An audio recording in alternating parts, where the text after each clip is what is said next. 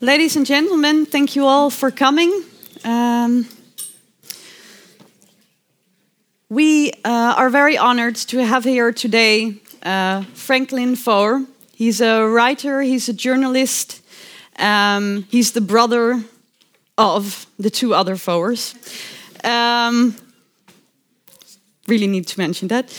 Um, and he's uh, he's written the book that's been uh, translated into Dutch. They, they've been published simultaneously in English. It's World Without Mind, Mind the Existential Threat of uh, Big Tech. In Dutch, it's uh, Ontzielde Wereld, World Without a Soul, Mind, Soul. Maybe we'll get into the into that, the mind and the soul. Um, he's the former editor in chief of New Republic. And maybe one of the reasons that, uh, or it is one of the reasons he's written this book, is that um, Chris Hughes bought uh, that magazine. Chris Hughes is from Facebook, and he had different ideas about how to run a magazine, uh, what you need to to do when you're a journalist, how to get the attention from the audience, what stories to write. And tonight he's going to tell us something about the threat of big tech. So, Google, Facebook, uh, Apple, also Amazon, these big uh, technological companies that know so much about us, um, that seem to know what we want to read uh, before we know it, uh, seem to know exactly what we'd like to watch, uh, and actually give it to us. Is that engagement, or have we become addicted, all of us? And what existential threats does that entail? Um, one of the articles that was published in the Atlantic uh, last month uh, was called uh, so the the Atlantic, where uh, Franklin Foer is working now uh, as a correspondent, was called "Have iPhones Destroyed a Generation?" And in it were was research on teenagers uh, taking, I think, a year and a half. They've lost their virginity a year and a half later than a few years back. I think it was five years. It's supposed to be the same uh, in the Netherlands. So, what does that mean? That um, we are engaging socially online a lot Maybe it's a good thing we lose our virginities later on in life, but maybe that tells us something. Maybe there's a, a problem there, stuff to think about. Uh, but without further ado, I want to give you a, a big hand to Franklin Foer. Thank you.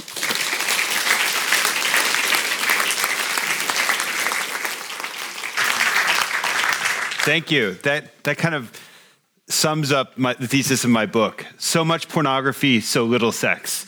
Um, so you mentioned, uh, I, I, don't like to mention my siblings, but you mentioned them, and I'll, and I'll I have a very apocalyptic argument, and I'll get to that, but uh, I'll deliver a little piece of flattery to the audience first. Um, so I was uh, driving today. I had a taxi that picked me up at the airport. I was driving with the guy, and he said, uh, I, your, your last name is Foer, F O E R. He's like, oh yeah, I drove your brother and your, your sister in law. And I was like, only in Holland would that happen, where you'd have a taxi driver who would, who would, who would have a literary enough sensibility to be able to make that kind of connection. And so I, I, um, I, am going to get to the I'm going to get to the grim news, and, and, and I'll be unrelentingly grim. But before I, I go there, I just wanted to sound a small note of hope, which kind of grows out of that conversation, which grows out of the fact that um, Holland has been able, the Netherlands has been able to maintain a literary culture in spite of a lot of what I've described in this book. Um, one of the things that I find so heartening about our world is that when the Kindle was invented in 2008 and unveiled, people wrote the obituary for the paper book. They said that Nicholas Negroponte, who runs the MIT Media Lab, said by the year 2015, the paper book will die. We'll only read books electronically. And lo and behold, uh, so many years later, um, ebook sales have plateaued. And every year in the United States, and I think it's true in, here as well, paperback book, uh, paper books sales tick up a little bit every year. And I found that this happened in my own life. When the Kindle was invented, I gravitated towards it instantly. As, as a lover of books, it, it was a miraculous utopia that had suddenly descended upon us. That here was a device that connected me to every book uh, written, in, in, in, written in humanity, potentially. Here was something that allowed me to access whatever I wanted to access whenever I wanted to access it, and I could carry it around, and I would stop making a mess with stacks of books that would annoy my wife. And, um, and, and, and I, I indulged. And for two or three years, I carried my Kindle with me everywhere. And then slowly, and I think actually fairly subconsciously, I realized that paper was beckoning. And, and why was paper beckoning? I think it had to do with the fact that when you're with the device, and even, even though the Kindle is, I think, relatively calm and placid compared to your iPhone or compared to your laptop, um, you still have the sense that somebody's watching over your shoulder, that you're connected by an umbilical cord to a company store. And um, I live my life on a screen all day long. All day long, I'm, I'm typing, I'm looking at Twitter, I'm reading news on the internet. But there was something in me that craved the solitude that comes with reading on paper to be to occupy that space where nobody's watching where nobody's distracting you, where you can achieve that state of contemplation that I can't, it's really very, very hard to describe. And in fact, the whole history of reading up until very recently pointed in the direction of reading it being the most private act.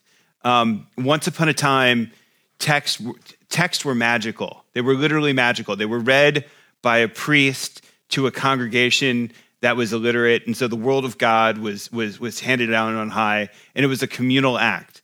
Um, books were read in markets, they were read by storytellers.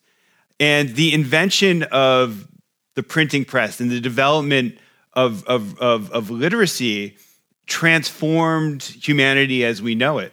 Reading became a place where um, individuals were able to develop their own thoughts, subversive thoughts, they were, they were disconnected. We were allowed to become more fully ourselves by our interaction with the text.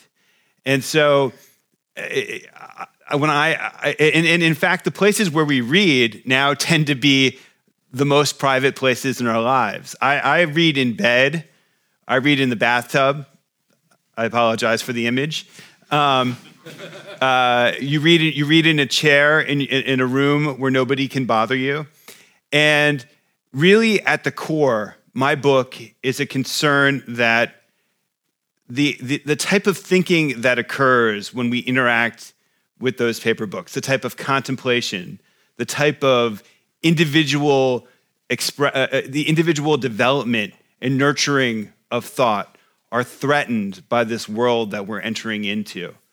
Uh, my book is about Google, Amazon, Apple, and Facebook. Um, what you on the continent refer to, I think correctly and charmingly, as GAFA, um, and the threat that these companies pose. And we see it, anybody who has an iPhone knows exactly the threat that I'm talking about because um, I personally shudder to think at how many times a day I look at my iPhone.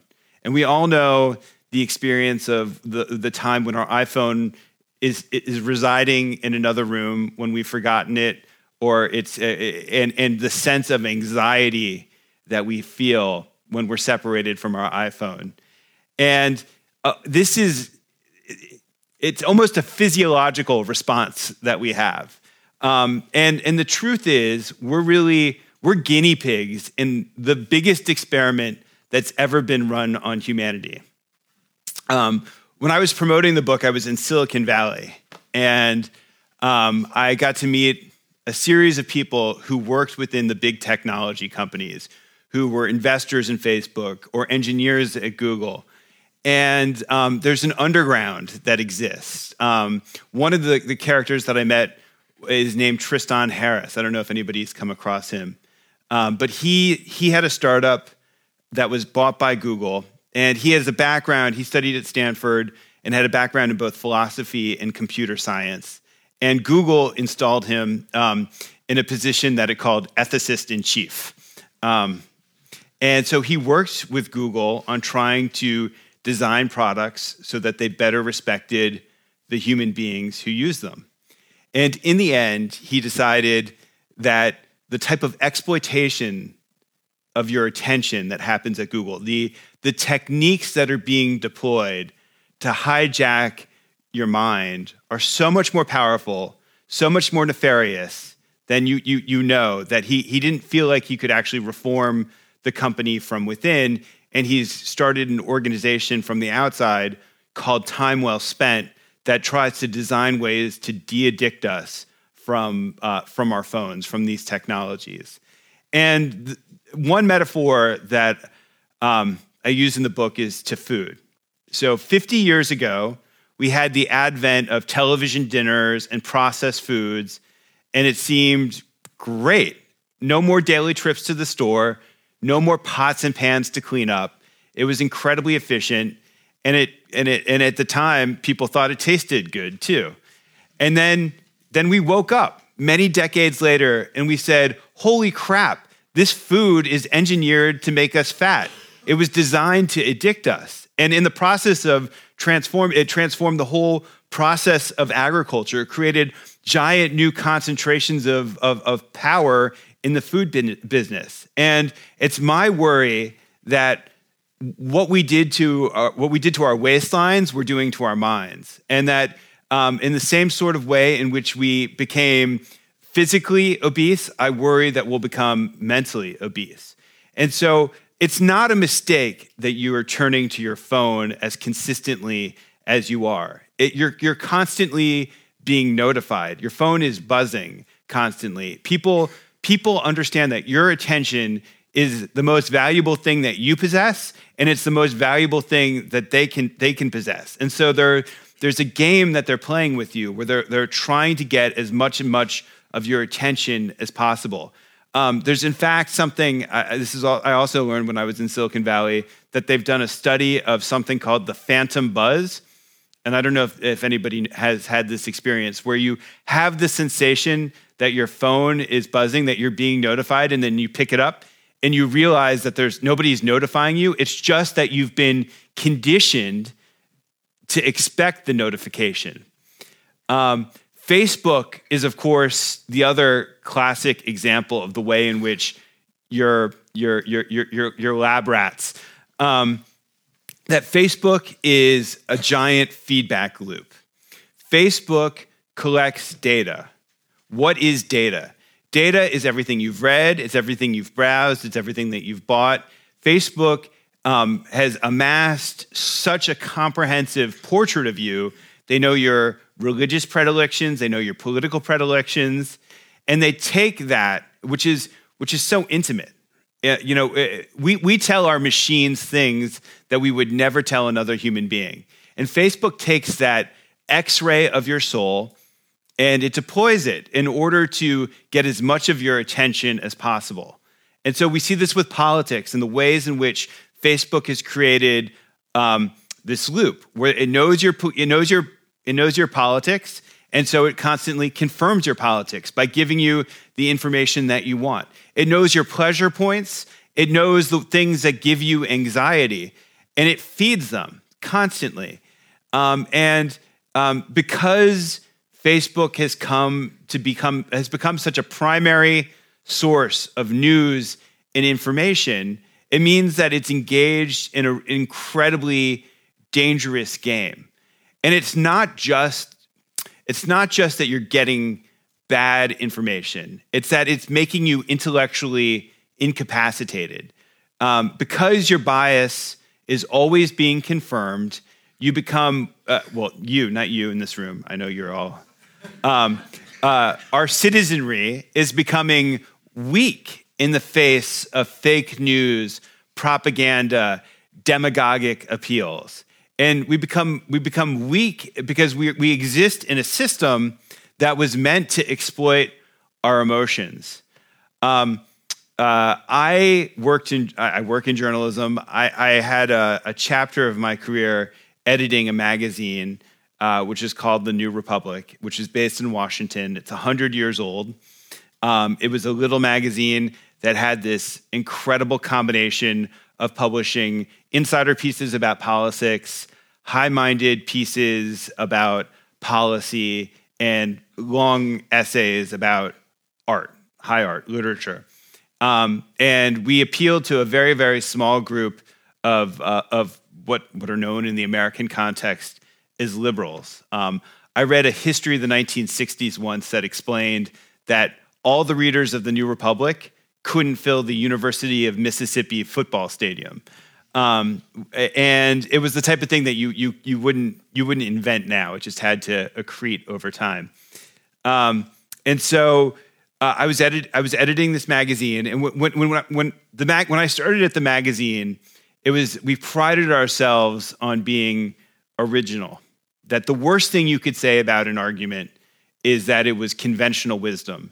If it was conventional wisdom, we wouldn't commission it. And so we were, we were very aggressively contrarian in our outlook.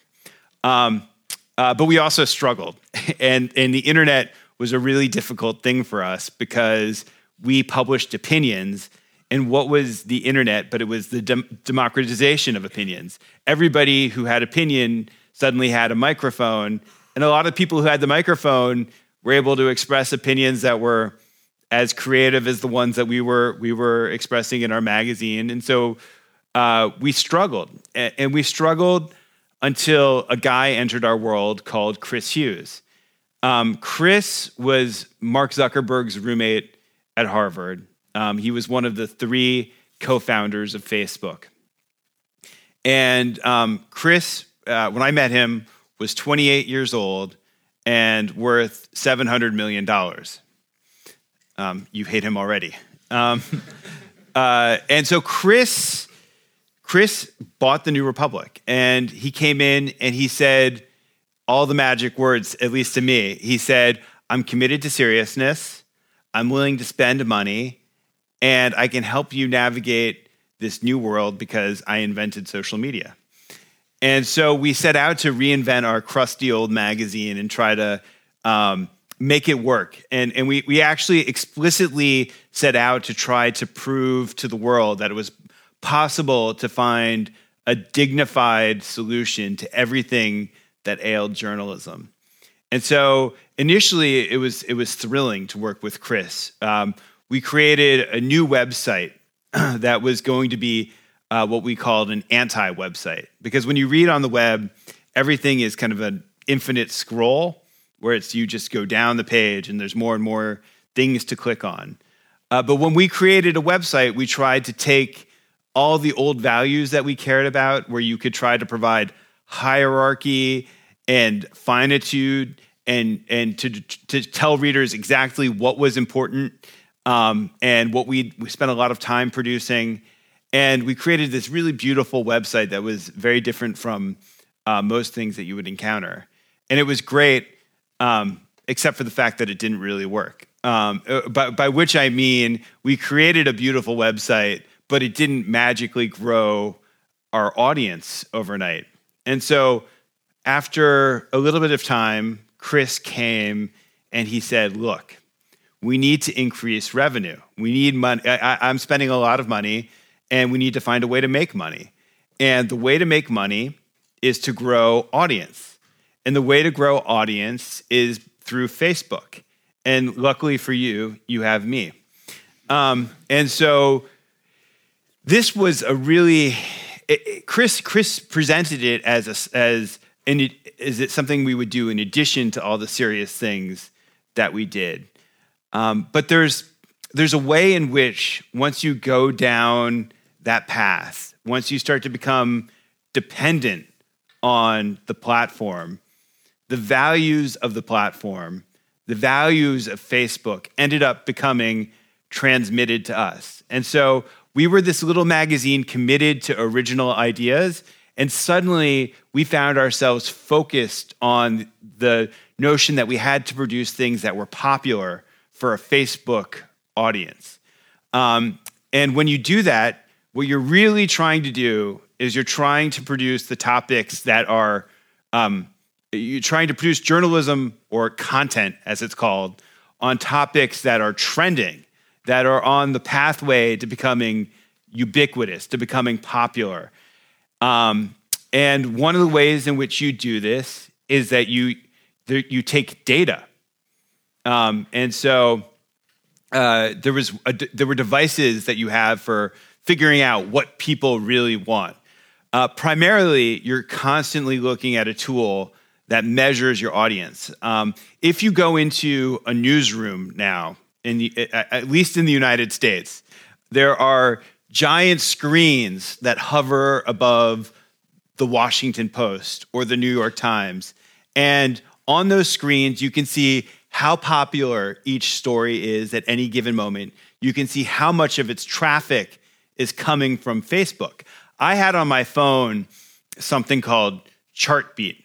And Chartbeat was this um, it was this flickering meter. It was like an odometer in a car, and it could tell you if you were if you were if you you were going really fast and producing something that was popular, or if you were producing pieces that nobody really wanted to read. And it's um, it's a Pandora's box. Once you know what works, the human instinct is to continually going back to the formula and producing the thing that works. And so um, and, and once you see that what works on the rest of the web um, or on Facebook, you, you can't help but fight the urge to join that same, that same pursuit. Your business depends on it, but it's also, um, if you're like most journalists, you weren't popular in high school and you just really want to be liked, um, you, you, you engage in this pursuit of popularity. Um, there's one classic example of this, which was a couple years ago, there was um, there was a hunter from Minnesota who went to Africa, and he uh, he killed a lion called Cecil. And Cecil, for a variety of reasons, was a, the, a celebrity lion. Um, he's like the Kim Kardashian of lions. Um, and uh, this this picture on Facebook that this hunter posted became a story that every single media institution was consumed with. Now, I, I think I, I, I, it's important to care. I mean, I, I, don't mean to belittle the subject. We should care about um, asshole hunters killing uh, species that are on the brink of extinction. But the subject became so so ubiquitous because it was it was popular, and once people saw it was popular, everybody tried to get a piece of the action. And in the end, there were 3.2 million stories written about the death of Cecil the lion. Um, and I use this example because I think it reflects so much of what's going wrong right now with the way that our conversation is being guided. So I've described to you the ways in which Facebook um, Facebook weakens us intellectually, but there's this way in which it, it also corrupts journalism. And to me, in the United States, when I saw Donald Trump come on the scene, I thought that's Cecil the Lion in human form. Here was somebody who journalists found um, produced clicks. He produced traffic. He was spectacle. You couldn't help but comment on Donald Trump, even if you knew that it was the wrong thing to do. And so you found media giving him so much more attention than he actually deserved as he started to run for president. And of course, once you give attention to something, well, then that begets more attention on the subject. Um, so things turned out pretty badly for me at the New Republic, where um, I had, um, in the end, I, I, I tried to make it work. I felt like, all right, the responsible thing to do for this institution is to find a way to to to create what Chris called snackable content, um, which is a pretty horrific term, snackable content. I mean, it was there's a, there's a whole philosophy behind this in media. Uh, it was you produced you produced you produced journalism for what it called the bored at work crowd. So when you're sitting on your phone or you're sitting on your laptop and you're just you're, you're kind of mentally aiming to zone out, you aim to produce things that the person on the subway platform will want to to read in, in a way that they can decompress. And so you end up producing for this was fashionable a couple years ago, producing lists or you produce um, now the fashion you you you you pre- present video um, and uh, it ends up it ends up taking you down this road. And the problem that i'm describing is is uh, is this problem of dependence. All right sorry i just jumped ahead. So the new republic it ended up really not going well for me because i while i tried to make this all work in the end the values that i wanted to try to defend were deemed to be incompatible with the values that Chris wanted to impose. I don't think that there's ne- they necessarily should have been in as much tension as they were, but Chris imported a guy from Yahoo to run to be the CEO of our magazine. And when the guy from CEO, the guy from Yahoo came in, um, his automatic instinct was to fire the the editor um, because it's what guys from Yahoo do um, apparently. And so I did, he came in, it was like two weeks. He started his job, and it was two weeks before I actually met him. And at that point, I knew I was screwed. Um, and so there was a day that came when I, I heard a rumor that um, there was another journalist who was walking around New York telling people he was going to be editor of the New Republic and he was offering them jobs. And at that point, I said, you know what? you want to fire me? I quit. and so I, I, I resigned, and um, uh, a bunch of other people at the magazine resigned um, because they were very idealistic about the work that they did, and they saw that the institution that they signed up to work for was being transformed. And so this became a small object lesson in the way in which Silicon Valley was swallowing journalism. Now, it's I feel like the stakes in in in, this discussion about Silicon Valley really couldn't be higher. That these companies, these four companies, have amassed so much power. They've intertwined themselves in our lives in in such deep, deep sorts of ways. And um, there's a race right now in Silicon Valley to become our personal assistant. Each one of these companies wants to embed itself even deeper. And so you have things like uh, Amazon's Alexa or the Google Home product. Mark Zuckerberg about, talks about wanting to create a butler. And the idea is that you have this personal assistant that wakes you in the morning and that stays with you over the course of the day. And, it, and its artificial intelligence is in conversation with you. And it's presenting, it knows your, your habits and it's trying to guide you through the course of the day and the companies want to um, make your life more efficient. They want to offload decisions that you would have to make in the course of a day and have their algorithms make those decisions for you. Um, and, uh, and, and these companies are, are, are, fairly explicit about the way that they talk about you. Um, Larry Page, the founder of Google, says that human beings are algorithms already. You are just a pile of code. Therefore, if you're going to be merged with the machine, it's only the inevitable destination of human evolution. And so we see this. We see this in the way in which we've already become a little bit cyborg. None of us know how to get from point A to point B anymore because we have Google Maps. Well, that's I have no problem with that. I was I was getting lost probably most of the time, anyways. And so I'm happy to get where I want to go. But the problem is, we're not just merging with machines, we're not just using tools, we're merging with the companies that operate the machines. And they have a very strong view of human nature, and they're trying to lead you to, to a place that they've, they've mapped out for you. Um, and so if, if, if, they want you to become cyborg, um, uh, Google talks about how you know you wear the technology on the wrist. Google Glass is something you wear on the bridge of your nose. They talk about the day when Google is going to be implanted in your brain. It sounds like a science fiction fantasy. Maybe it is a science fiction fantasy, but I, I urge you to watch YouTube footage of Larry Page or Mark Zuckerberg or any of the other titans of tech because they're quite explicit about their ambitions for their companies and their ambitions for human nature. And really, we, we talk about these guys as being libertarian, and they're libertarian insofar as they don't want government regulation. But if, if you listen to them carefully, you find that there's a strain of collectivism that runs through their thinking. They want the world to be turned into one. They want everybody to be stitched together into a giant unit. And that's the reason that media is social. It's the reason that they make a fetish out of the network. It's why everything is crowdsourced. It's the reason why collaboration is the future for humanity. And there's a lot of value and beauty in that vision. And I don't want anybody to mistake me for a pure Luddite.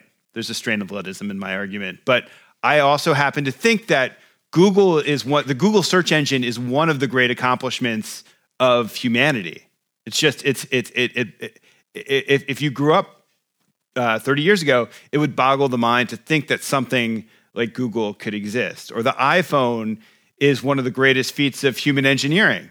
Um, but just because these inventions are magical, and just because they have made our lives more efficient, and just because they have the potential to be liberating, doesn't mean that we should suspend judgment and we should suspend our natural instinct towards skepticism.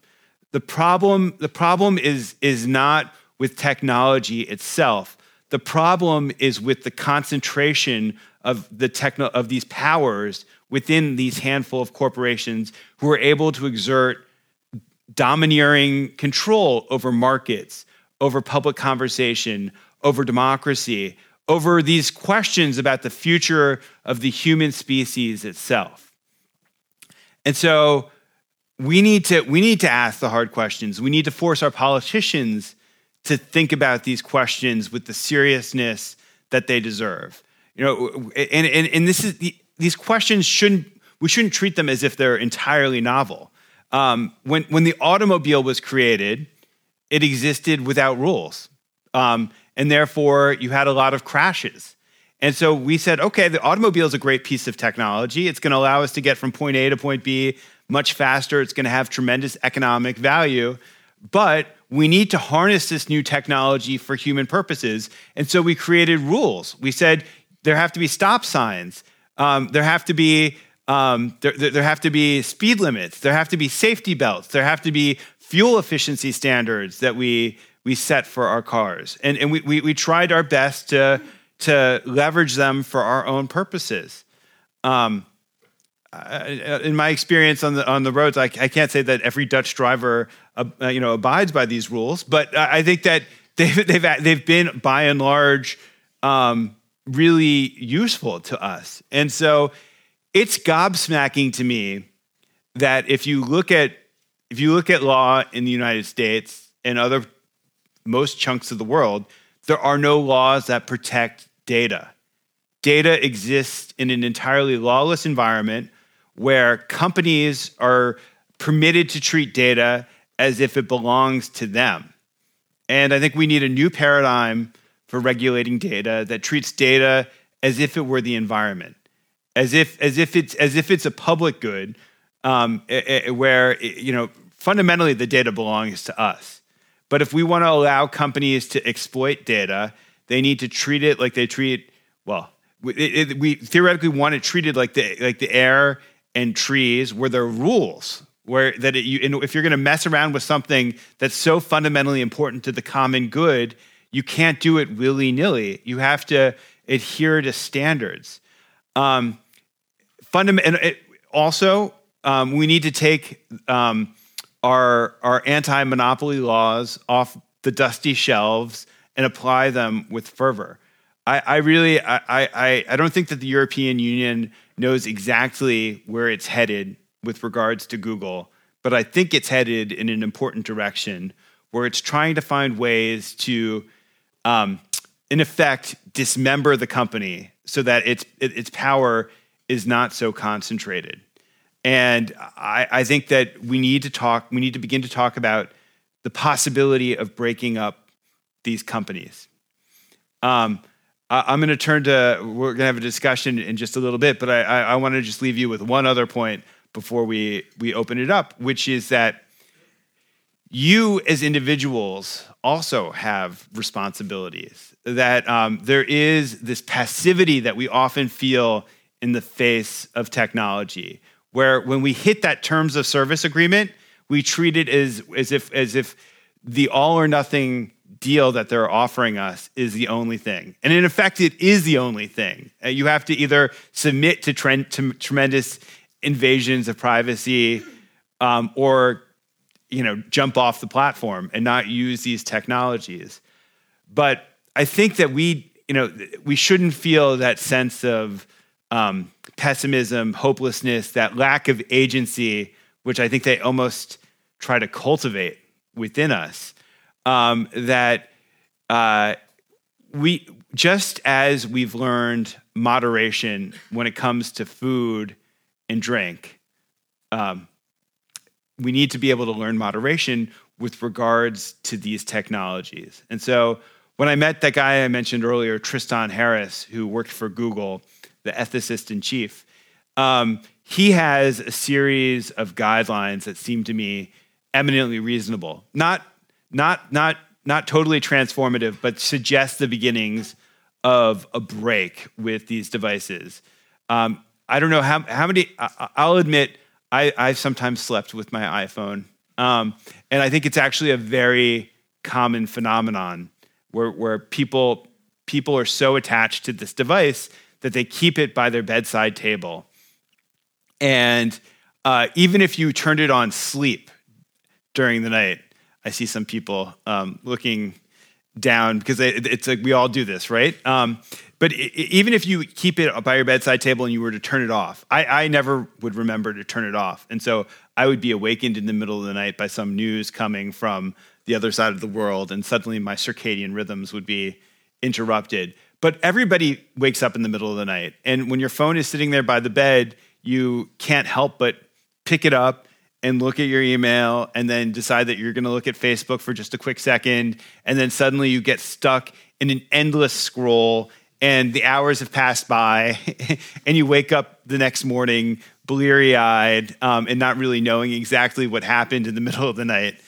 Um, uh, he suggests that um, you turn off all notifications on your phone that are not from another human being. That's pretty simple. Um, I took Facebook off of my phone. I still am on use Facebook. I still use it, but I, I, I try to create circumstances where I have to use it intentionally, as opposed to it being the subconscious thing where it the, you know the, the, the course of least resistance in your day is just to tap on the app and to allow yourself to get stuck in it. Um, and the point is, is that we the stakes are too high. We need to create, we want to be able to preserve our ability to think, to contemplate, to preserve the space where we can have that sort of independence of thought. And while they're performing very powerful experiments on us, and while the, techno- the, the draw of the technology is so compelling, um, we, we're powerful people too. We have the ability to create an architecture for our own lives where we're able to preserve the things that we care about. And I think as a society, we have the capacity to try to try to push ourselves to create an architecture for our own societies where we try to do our best to preserve the public square, where we do our best to try to preserve competition in our capitalistic society, where um, where we try to protect the things and institutions that we care about. You know, as we as we head into this future where we're merged with these machines, we should be very thoughtful and intentional about the, the, the qualities of human existence that we want to protect and preserve, um, and not simply assume that we, we can just drift along and everything's going to turn out okay in the end um, because if you know, just to go back to the automobile, if we hadn't, if we hadn't, if we hadn't created those rules that allowed traffic to flow in a way that protected human beings, we would have chaos and anarchy and and and and death. And and we need to insist that these new technologies are things that that play by our rules in the end. So why don't we let's let's talk? Or there's I think we're gonna Okay, great.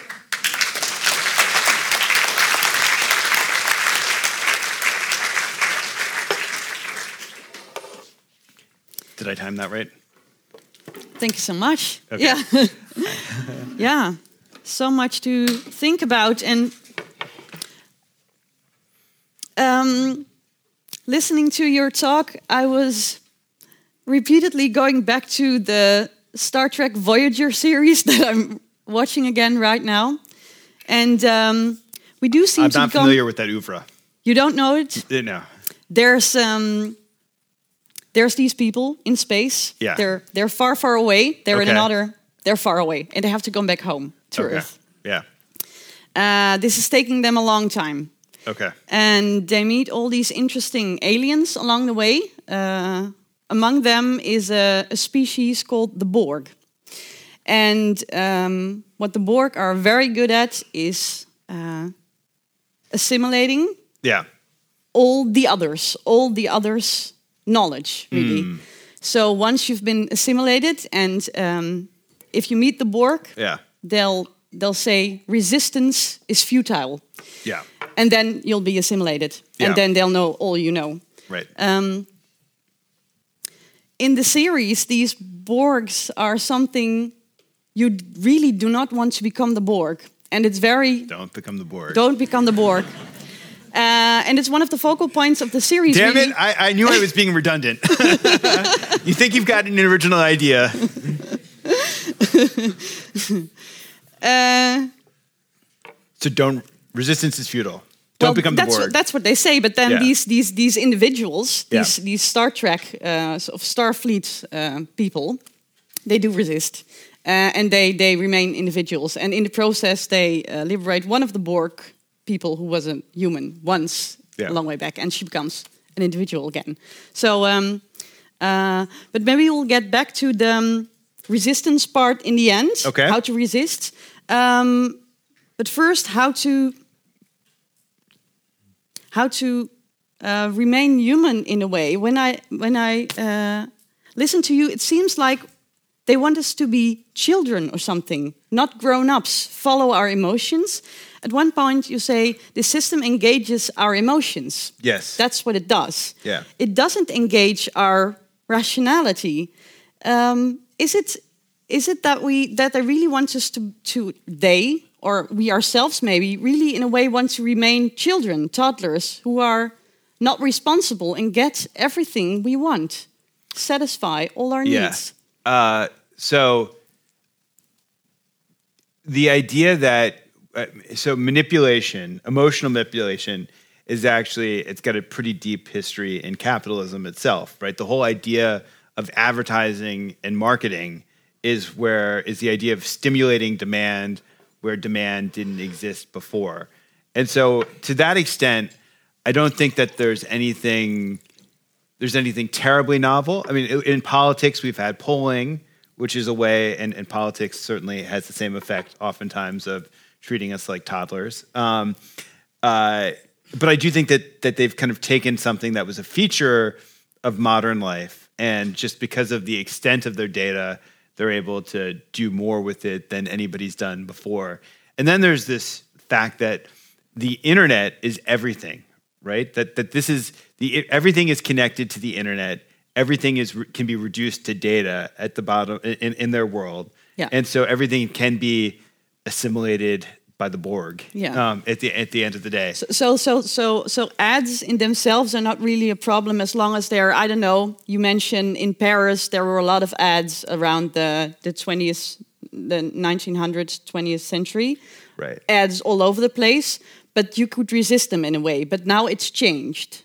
Is that what you're saying? Uh, well, there is. So it's in the history of advertising. Um, there were there were there were there were actually laws that or or guidelines. So you couldn't do subliminal advertising. Yeah. You were trying to untap. You're trying to tap the subconscious of consumers um, but there were limits to how you could manipulate them, and so much of the manipulation that happens now is is so invisible. So, if you ask most users of Facebook, um, do you know that your Facebook newsfeed is being arranged for you? The answer they would give is no. It's just my friends sharing things. Um, but really, Facebook is arraying that information in a way that is trying to maximize your engagement. Um, and one company, you know, what the company describes as engagement is really just a form of addiction when it comes to the people who are being manipulated and hooked. But don't you feel how that happens yourself sometimes? Of course. Yeah. Yeah. I mean, yeah. I, undoubtedly. I mean, I, um, I, I, I do find I, I, do find that if I look, were to look at Facebook, um, uh, the capacity to just kind of get to escape into that universe, which has been so tailored to my personal, well, what it it's, what it seems to say are my personal tastes. Then I mean, I actually, to be honest, I don't love Facebook that much. I, have never really, I, I, I, I have a hard time getting lost in it, but I see a lot of people I know and respect getting lost in it and get addicted. Yeah. Yeah.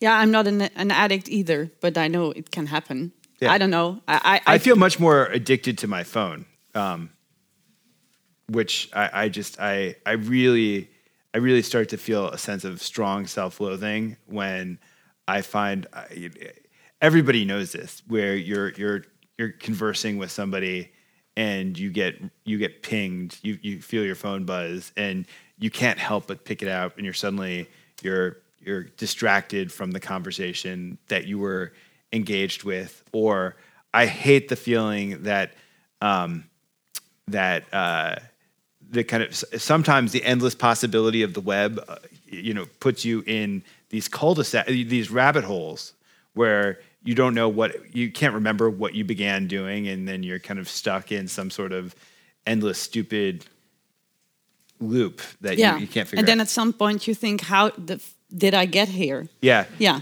it's actually ironic there is uh, there's a device i use sometimes called freedom i don't know if anybody in the room's used freedom uh, but freedom freedom actually comes at a cost freedom is an app that you can buy that allows you to lock yourself out of the internet and so you can say, for the next hour, I'm going to be completely unable to, to indulge all those powerful impulses that are telling me to check email, to, uh, to get on Twitter or Facebook.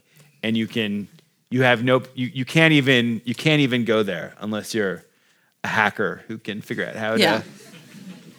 to hack past freedom. yeah. Wow if you're a hacker and you've got, then you have to use three or something and make yeah, it exactly. extremely difficult to get exactly. through. Yeah. Um, there's a um, uh, Dutch philosopher, Hans Schnitzler, um, uh, and he publicized uh, yeah, uh, a book of his. I think it was two years back. It was publicized, and it's called. Uh, it was on the, the the digital proletariat, and he he claims that whereas in the 1900s it was our labor that was that we were alienated from, yeah. and that was um, taken away from us in a way. Nowadays, it's our minds that are, in a way, taken away from us. And he says we need, need to take back the digital means of production. What do you think about that idea? It's it's a bit Marxist, of course. It's Marxist terminology. Yeah. I don't know if you like that. Do you like that? Um, well, so interest. I mean, I actually come from a tradition that's that's would describe it's it's an American liberal tradition mm-hmm. which uh, views if so in the American tradition we created. Uh, this is my idealized version of it. You we create the, the Constitution of the United States created a system of separations of powers and this idea that you didn't want one powerful force to become um, stronger than any other. So you have courts checking, Congress checking, the executive branch. And part of that initial phobia of concentrated power extended to corporations. Yeah. And so um, what concerns me is the way in which things are so deeply unbalanced right now. And I don't come at this from a Marxist perspective. Um, even though I think that there are a lot of my uh, my arguments that have kind of um, uh, that type of tinge to them. Yeah. Um, but there's also, I think, something. But uh, if you speak of hijacking our minds, it's it seems a bit like that's what they're doing. You know, they're taking away our ability to control ourselves, maybe, or Yeah. to to be autonomous, Right. uh, to to pay attention in a way that w- we want to pay attention away yes, from us. Yes, exactly. That um, that to me, our most precious asset is our attention, and that um, that we have to be w- when there are people who are who are running these powerful experiments in order to garner more of our attention. That that's something that you want to defend. You want to defend against those incursions in a way that's more militant than you would against almost any other intervention. Yeah, yeah. How?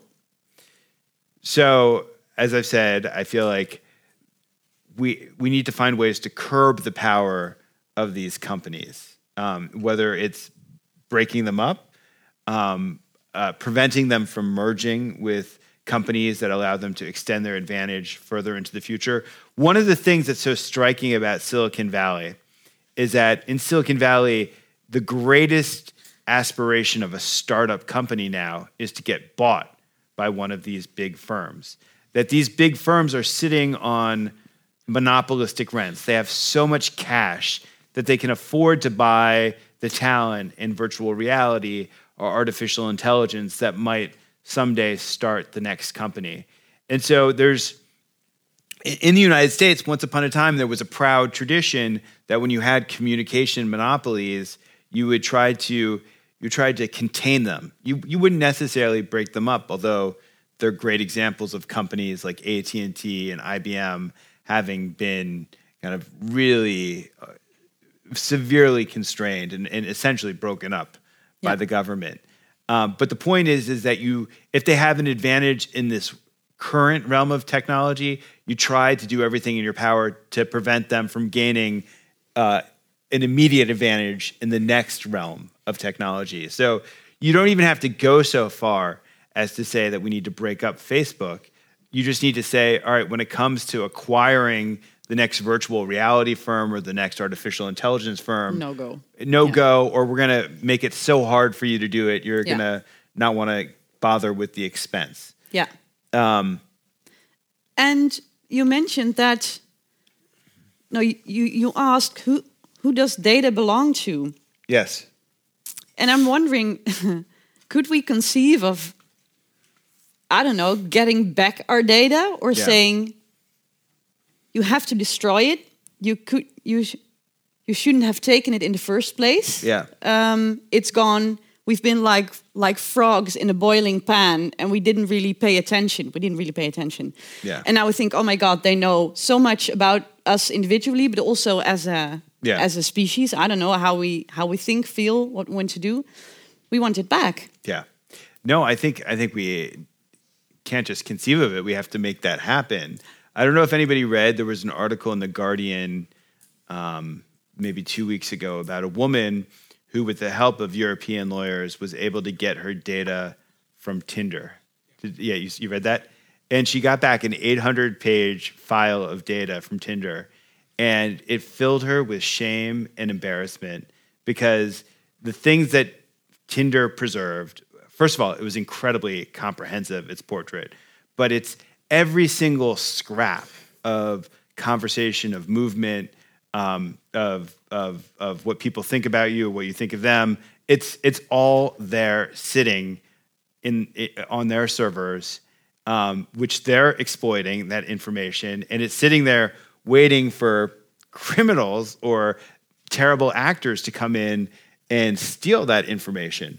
Um, and I, I- feel like privacy, maybe, maybe this is different in Europe, but in the United States, which actually was a country that did, we did a lot to invent the, con- the concept of privacy, even as we've done more than anyone to destroy the concept of privacy. Um, we, you know, we just don't understand what privacy is, which is why people are, ab- are so willing to trade it away for um, these free services. I mean, that's the bargain: is that Yeah. you You give away your you give away your privacy in exchange for getting free email, uh, free Facebook, et cetera, et cetera. Um, and I've I, I've thought about this in the course of, I mean, that woman who got her Tinder file back will never be the same. She's never going to be able to treat um, private, conver- what seemingly private conversation in the same sort of way. She'll always be reminded that whatever she says is going to exist forever and ever. Therefore, she needs to be especially careful with what she says and does. And so you might say, okay, that's fine. Well, if you're gonna if you're gonna send a raunchy message on Tinder, like maybe you just shouldn't do that in the first place. Um, but it's not just that. It's like every search you do on Google is it sits there. And so if I'm investigating an idea, let's say I'm interested in um, uh, you know, I'm interested in some radical idea, yeah. and I explore that um, pretty deeply on Google. Well, you know, someday that could be used against me.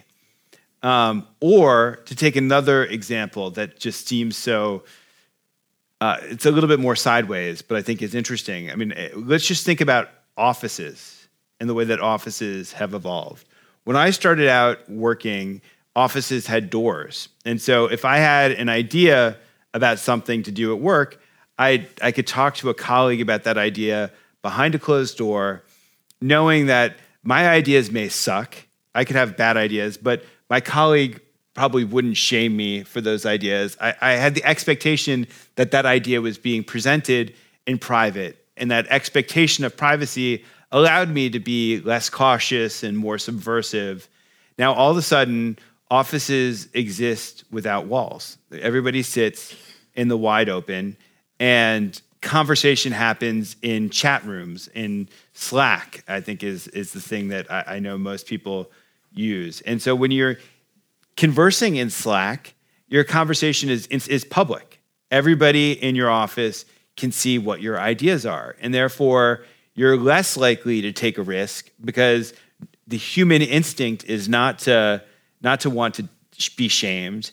That the whole point of privacy is that when you have an audience for an idea, and if that if somebody is looking over your shoulder as you're thinking, your natural instinct is going to be to please the audience. And if that happens, it's not just a matter of our secrets being vulnerable, it's a matter of our minds being flattened, that we become much more two dimensional, we become much less creative, we become much less subversive, we become much more worried about appearance. And you see this on Facebook. I mean, on Facebook, everybody is concerned with appearance. That's yeah. the essence of, of sharing. You're sharing, you're sharing yourself in order to present an image to the rest of the world that's, you know, super tailored to win likes. Yeah, yeah. We really want to be liked. Yeah. Really. Yeah, I hope yeah. you guys like me. Yeah. I'm telling yeah. my thoughts to appeal to you right now. Yeah. Um, at the beginning, I mentioned resistance. Let's get into the resistance part a bit more. Okay. Um, you do know the series Mr. Robot, yes. right? Yes. Yeah. So we had an event on Mr. Robot here last week. Um, a series about a hacker. He wants to hack the system. He wants to hack, I don't know, big tech, really, mm-hmm. uh, with Monsanto put in as well. Mm-hmm. Um, from without. Yeah. Because he hopes he can yeah, change things. But the interesting thing about this series is that it starts off sort of with um, uh, a speech, or he's at his psychiatrist's, and she asks him, What is it about society that disappoints you so much? And he tells us um, that we're faking intimacy in social media, that um, we keep on buying stuff that doesn't really make us make it doesn't make us happy. We know this, but we bought into it in a way, and now we want to be sedated. Yeah, uh, that's the long and short of it. Yeah. So capitalism, etc. It's bad. Uh, uh, we're not really being autonomous in any way. Um, and then we find out that he didn't really say this. She asks, What's wrong? He says, Nothing. And then when you're wondering, What am I in the audience doing? Or not in the audience, as a viewer. So I'm, I'm looking at this man who's mm. telling we need to resist in a way. We all know this. We have to act in a way. We want to change things. But I am sitting there consuming it, yeah. doing absolutely nothing. Um, where do you see it coming from? Because it's a very comfortable existence, you know. It is very nice to have a personal yeah. assistant yeah. who tells you exactly what to do, yeah. who tells you to buy clothes that you actually like, well, read books I, I, you actually well, like. Well, I hadn't actually seen Mr. Robot, and you just spoiled the plot. Uh, uh, no. Um, no, I didn't. Yeah. you can um, watch it still. Yeah.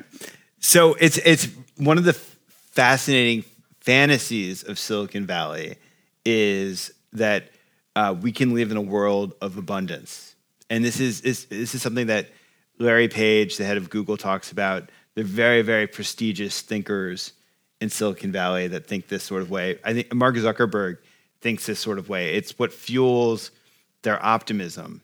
It's that you can that we're you know if we only engineer things in the right sort of way, if we only make the ultra rational choices for society, then like we can we can step out of a world of scarcity where we're con- we're, we're, we're, where we have to experience pain, um, where we have to experience inefficiency, yeah, uh, where we have to have people who are starving.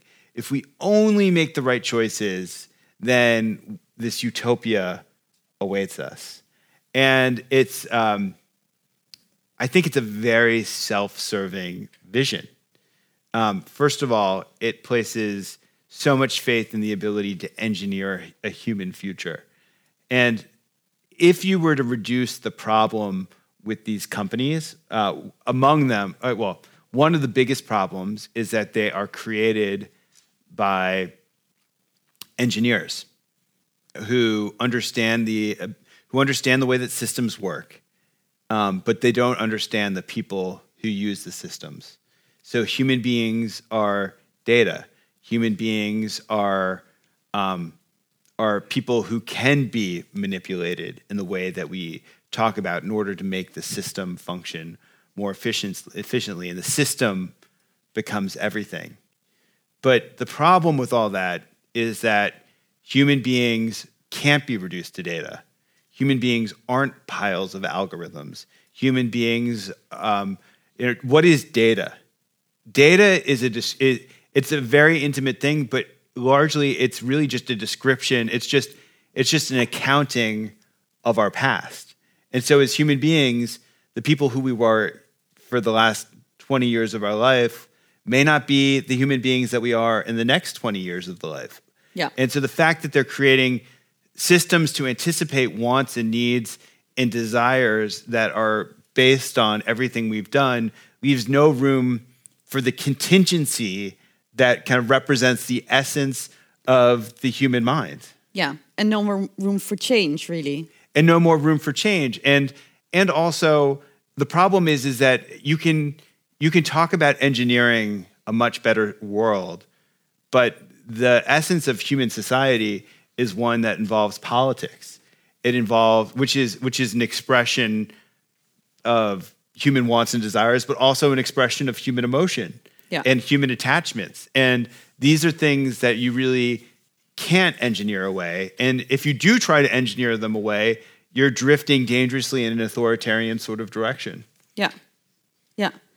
Yeah. And that's um, at, at, the end of the book, you come back to the, um, the need for contemplation, uh, the need for that we need to cultivate our mind or yeah. our souls. Yeah yeah uh, is there is there why is mind or and soul are they interchangeable? Um. In your book? Uh, yeah. Maybe that's a yeah. much easier question. So uh, let me just describe kind of my my yeah. thinking at the end of the book and then you can decide i can i can maybe arrive at a judgment about whether i mean the same thing with mind and soul. I think i do. Um, so I actually, I really believe deeply in democracy. and I think that citizens every couple years are presented with tremendous choices that they have to make about the future of their societies. And we believe in the capacity of citizens to make that choice because we believe that each individual is capable of forming independent thought. Um, if, if, you didn't, if you didn't think that individuals were capable of forming ind- independent thought, you wouldn't give each of them the right to vote. Yeah. And you know, to, in order to have people who are who, in order to fulfill that potential as a citizen, you need to have quality, high quality of information at your disposal. Because if you're getting garbage information, you're going to get garbage results coming out of it. Which we saw. Unfortunately, my country is suffering. Um, well, yeah. Because well, of that, yeah. yeah. Um, uh, you need to have you need you need to have people. I think that one of the um, I actually believe that every individual should be it, it should be in a quest to improve themselves. That that's part of that's that's that's part of what the human experience should amount to. That yeah. In our lives, in our personal lives, in the way that we interact with our fellow human beings, we all make huge mistakes constantly, and we try to learn from those mistakes. And when it comes to um, thinking about the broader world, we need to um, we need to allow ourselves to continue to evolve and to to to learn. And in order do, to do that, we have to take a step back and actually, in solitude, read a book or something. Or that that helps. Uh, yeah. But it's you know it, it's it's really it's really so it's it's not just it's not just the absorption of information and the absorption and reading, which is a process that I've described as being kind of a state of high contemplation, but it's creating spaces where we're at least somewhat disconnected, where we, we allow our minds to kind of churn, to turn yeah. over ideas, and so. Um, uh, I, I mean, I, I, I so I've I've observed today one of the great the great things that happens in this country is people ride bikes, and um, I've noticed everybody has a different habit of bike riding. There's some people who are dangerously looking at their cell phones as they bike ride, which I don't understand how they survive getting from point A to point B. But most people, I mean, most people seem, I, I don't know. I mean, it seems like you need to create spaces where your your your your mind's able to kind of roam. Um, And if your mind's always being hijacked by somebody else who's pointing you in the direction of the things that they want you to see, and if, if you're if you you know I do this myself where it's like I, quiet space is scary space, and so uh, you you plug in the earbuds and you listen to a podcast or music, which are are good things in of themselves, and I don't object to, but I think it's just a question of creating uh, those blanknesses that yeah. our mind's able to fill in. So attention, so goal-driven attention, as in contemplation or reclusion, is good. It, it only has to be goal-driven because there's so many forces that are yeah. working against us. Yeah, yeah, so many stimuli, um, which we are looking for now. I think uh, because I'm wondering. Um, if there are any questions in the audience, yeah, please raise your hands. I see some. I'll start with you over there and I'll go here. Yeah, so uh, in the middle. Can I get a microphone over there? Yeah, thanks. Hi, thanks for your talk. Hi. You, you've been talking about how social media has, have been influencing the business model of newspapers and the press. And you, you said that, I think correctly, that the quality of uh, many articles has changed because they want to accommodate the needs and the interests of, of the readers which are now on social medias. Do you do you see any alternative strategy, any, any alternative business model which the press now might look for in order to kind of still be able to sell and produce quality, yeah. uh, qualitative products? Thanks. Um, so I'm I actually don't know a whole lot about Dutch Dutch media, and I, I and I, I am curious to learn more because I I um, but I, I think that there are two the two I see two two really fundamental things. One is that there needs to be at least uh, there needs to be a, you see the beginnings of a substantial return to a circulation based model of revenue where subscriptions uh, we revert to subscriptions supporting media organizations. Um, I, I see this is ironic. When i talk in my industry about ad blocking people people look at me angrily. But i feel like the whole industry of digital advertising exists so that Facebook and Google, and perhaps Amazon now increasingly, will capture the benefits of that advertising because it's so deflated. It, you, it, to buy a digital ad costs so little money that you need to amass the biggest possible audiences in order to make a business out of it. And so, what we need to do is we need to uh, we need to. We, I, I, hate the word disruption, but th- it's like an industry that needs to be needs a hammer blow struck to it in order for it to be to be recreated as something that favors the people who actually produce journalism and ideas and information as opposed to the people who aggregate journalism and information. I'll tell I'll tell one story, uh, which is that I also think media needs to regain a bit of its self confidence. That media and publishing globally have felt um, felt like they've been at death's door, and so they've really they've just uh, we just we lay down in the face of Google and Facebook and say whatever you want, we'll deliver for you. So if you want video, we'll give you video. If uh, you know, even if that deg- if that means that we're taking resources away from words, which is what we used to do. Um, but I think that it's possible for the culture industries, for the media industries to market themselves in a better sort of way. You could take a cue from um, from the food industry and the idea of producing organic material that makes us more virtuous. And in the United States, we've actually seen this after the Trump election. That the New York Times says, you know, you uh, you sick of this world of fake news? Well, subscribe to the New York Times. And lo and behold, hundreds of thousands of people have actually subs- uh, bought subscriptions to the New York Times after the Trump election. They've seen the biggest spike in circulation in a long time. Um, and there's a story from the 1930s that I, I, I, I like, which is uh, I don't know if people heard of Edward Bernays, who was the guy who invented public relations. He wrote a terrible book uh, called Propaganda, um, which was actually celebratory of propaganda. But, anyways, he was a nephew of Sigmund Freud's. And so he was in New York and he invented the field of public relations as we know it. And the book industry hired him in 1930. Uh, the book industry had plummeted uh, because of the state of the general economy. And they asked Bernays, can you find some sort of way to improve sales? And he thought about it and he came up with a pretty ingenious solution, which was bookshelves. And he said, if they're bookshelves, people will need to fill them with books. And so he worked with um, architects and home magazines, and he launched this very clever idea to make bookshelves a fixture in the middle class American home.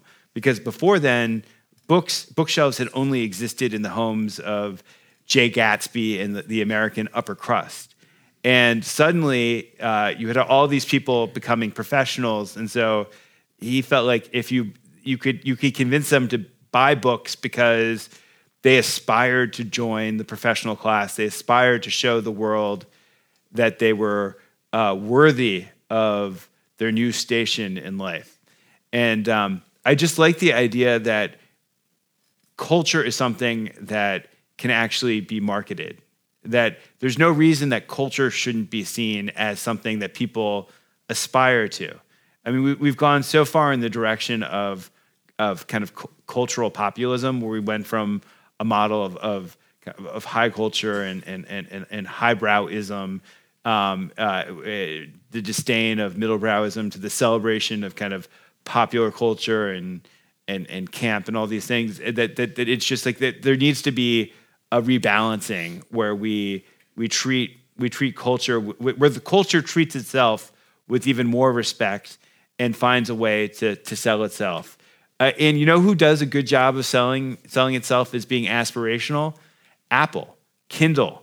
If you look at the advertisements for Amazon and the Kindle, they show somebody sitting in a, a at least in the United States, they show somebody sitting in a European cafe um, enjoying access to the fruits of of uh, kind of a, an aspirational upper middle class life. Advertisements for the iPhone in the United States always show how you can access the New York Times via the iPhone. Well, rather than having Apple profit off of the reputation of the New York Times, I'd like to see the New York Times profit off the reputation of the New York Times. Other questions? Yeah. Um,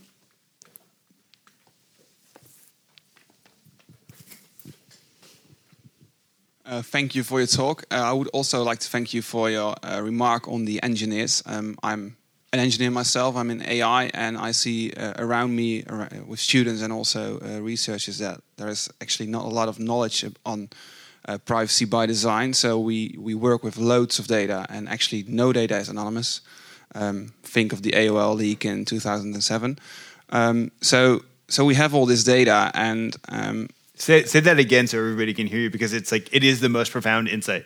So I am an AI, and but no, just that no data is anonymous, yeah, right? so and I'm an engineer, and, and we know no data is anonymous. And one of the most famous examples of that is the AOL leak in 2007, where they released a lot of search uh, results anonymized but it wasn't anonymous because um, in America we can, uh, or in the United States we can can uh, predict who you are by just three variables: your, your postal code, uh, your age, and your gender. It's it's very easy, and and that's the thing we all should remember that no data can be anonymized. Even about X-rays, it has been shown that X-rays are de-anonymized uh, from big medical databases. So the Radboud UMC, for example, uh, knows this issue.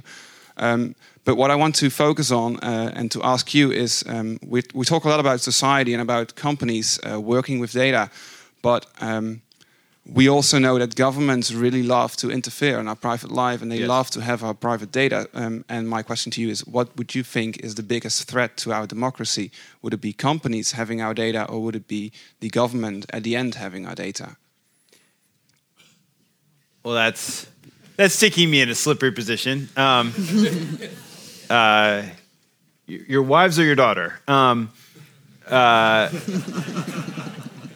uh, so, all right, I'm going to give you my honest answer, which is that I really fear the private corporations more than the government, um, and it's not because I I trust government more than the private corporations, but it has to do with the nature of the marketplace, and has to do with the fact that there are no like, government. Governments can be terrible and manipulative and conniving, but they at least have their checks, and and, and at least in in in in, in Western Europe and in United States.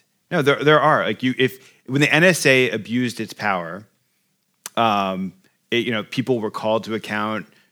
Journalists exposed it. There were there were there were there was there was there was pushback that was actually fairly meaningful and substantial. But your data is bought and sold on an open market every day, and nobody cares. And it's the fact that it's commoditized, and the fact that you're treated you're treated like a commodity. You have no you don't have constitutional rights when it comes to the way that private corporations treat your data. And so, while I'd say in an ideal world you'd have privacy regulations that protect us all, I mean to me there's a reason I wrote a book focused on these four corporations because and I worry about specifically about the ways in which they abuse their data. Oh, and I just wanted to say one other thing about computer science, which is it's I'm, I'm it's heartening to hear that um, I know that there are there are engineers who care about these issues, and I think it's actually if we if we step back and we think about some of the things that we can do collectively to try to ensure a better future, um, one of the things I think about a lot is, um, well, so I have a 12 year old daughter, and she is magnetically drawn to, to coding and to, into technology. And at first I thought, well, can't you just be a philosopher or a poet? like, you know, we don't, the world doesn't need another, another coder. but then as I've started to chew it over, I thought, you know what? The, you're exactly what the world needs. The world needs humanists who can code, who can think about systems as uh, not just systems, but um, as reflections of human life. And that as, as societies, as universities, even, I think it's actually imperative that we think about ways to strip down some of the um, these two culture arguments where uh, the humanities and uh, computer science or engineering are viewed as antagonistic disciplines, and that we need to find ways to um, integrate them. Because, as I said before, everything is the internet now, everything is computer science. And that means that it's probably too valuable just to, to be left to the people who are naturally attracted to computer science. All right, time for one last question. Um, yeah.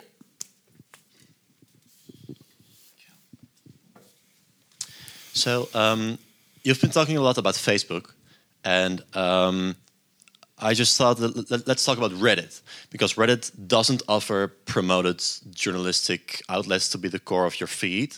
Um, you just select topics and themes uh, that interest you, and everyone can post stuff that gets voted to the top.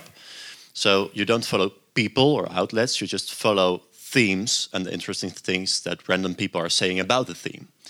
Yet, even then, I feel that just the news snacks, or however you call them, um, are still voted to the top. So, even then, I feel there's the same problem because the same stuff becomes visible in the feed.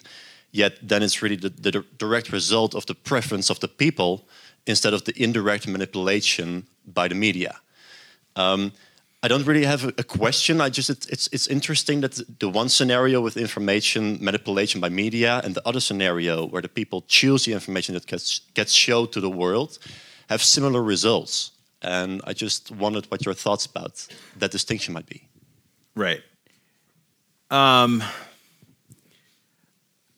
I have I have less problem with. I mean, obviously, I have less problem with Reddit than I do with Facebook. It may not be my community of choice, but um, I mean, there are two distinctions. One is it's simply not as powerful as Facebook. But secondly, what you're describing is this distinction between, um, uh, let me, let me, so there, there's always there's always a gate there's always somebody making a decision about what's more important. Otherwise, you have chaos. And uh, in newspapers and radio shows and uh, TV program, TV TV news, you had um, you had somebody who was making a decision about what went first, what went above the fold. Those people were editors or producers or what have you, and they had tremendous power. Um, then you shift. You have you have a model like Reddit where you're saying, okay, this is more democratized. We're going to be explicit about it being a popularity contest, but it's going to be readers who are going to make that decision, and that that's not going to yield good results all the time. Well, the old gatekeeping model of newspaper editors hardly yielded perfect results all the time. And so, if you have one place that's an alternative to that old model, well, that doesn't seem. Yeah, they're, going to make mistakes, but I don't have a per se problem with having a diversity of of, of communities, a diversity of gatekeepers that seems by and large a net positive for the world. The problem with Facebook is that you have an incredibly powerful gatekeeper whose values are uh, whose power mean that its values become the values of everybody else who depends on it. And you have that power is wielded in an invisible sort of way where there's no accountability. Um, whatever rules Facebook is wielding I'm not even sure Mark Zuckerberg necessarily knows what they are at any given moment. And it just makes it it makes it the system that um, is in a way out of control, um, and out of control with consequences for everybody who lives in a democracy. And um, I think it's so. I'll just end on a on a hopeful note which is um, we're, we're at the beginning of a backlash. Um, that what London did with Uber I think was incredibly important. That even if Uber ends up staying in London, the fact that you have a city with tremendous power pushing back against Uber will create better results for everybody. That Uber will no longer be a lawless company because it can't afford to be a lawless company.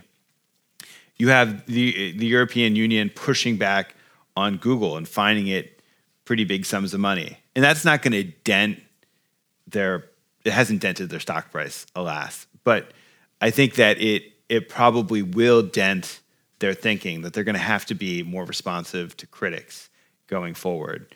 And then Facebook's involvement in the US presidential election and the way that Russians were able to manipulate Facebook is for the first time causing Mark Zuckerberg to actually experience some form of public pain.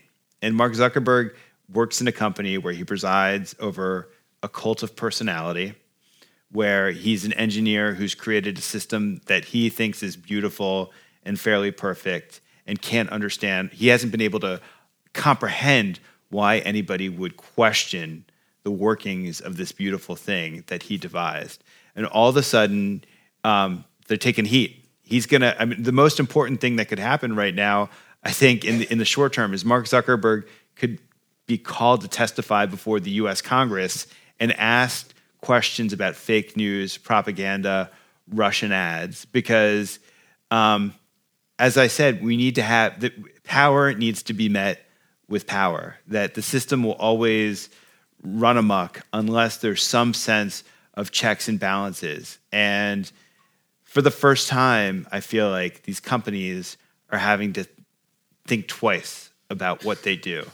And having them think twice is maybe not the ideal solution, but until we can advance to the stage where we devise a new privacy regime, where we work the political will to try to break up some of these companies, um, having them behave in a more responsible way is maybe the best that we can get. And so while while not perfect, I think I'd take it rather than the alternative. Thank you so much. Yeah.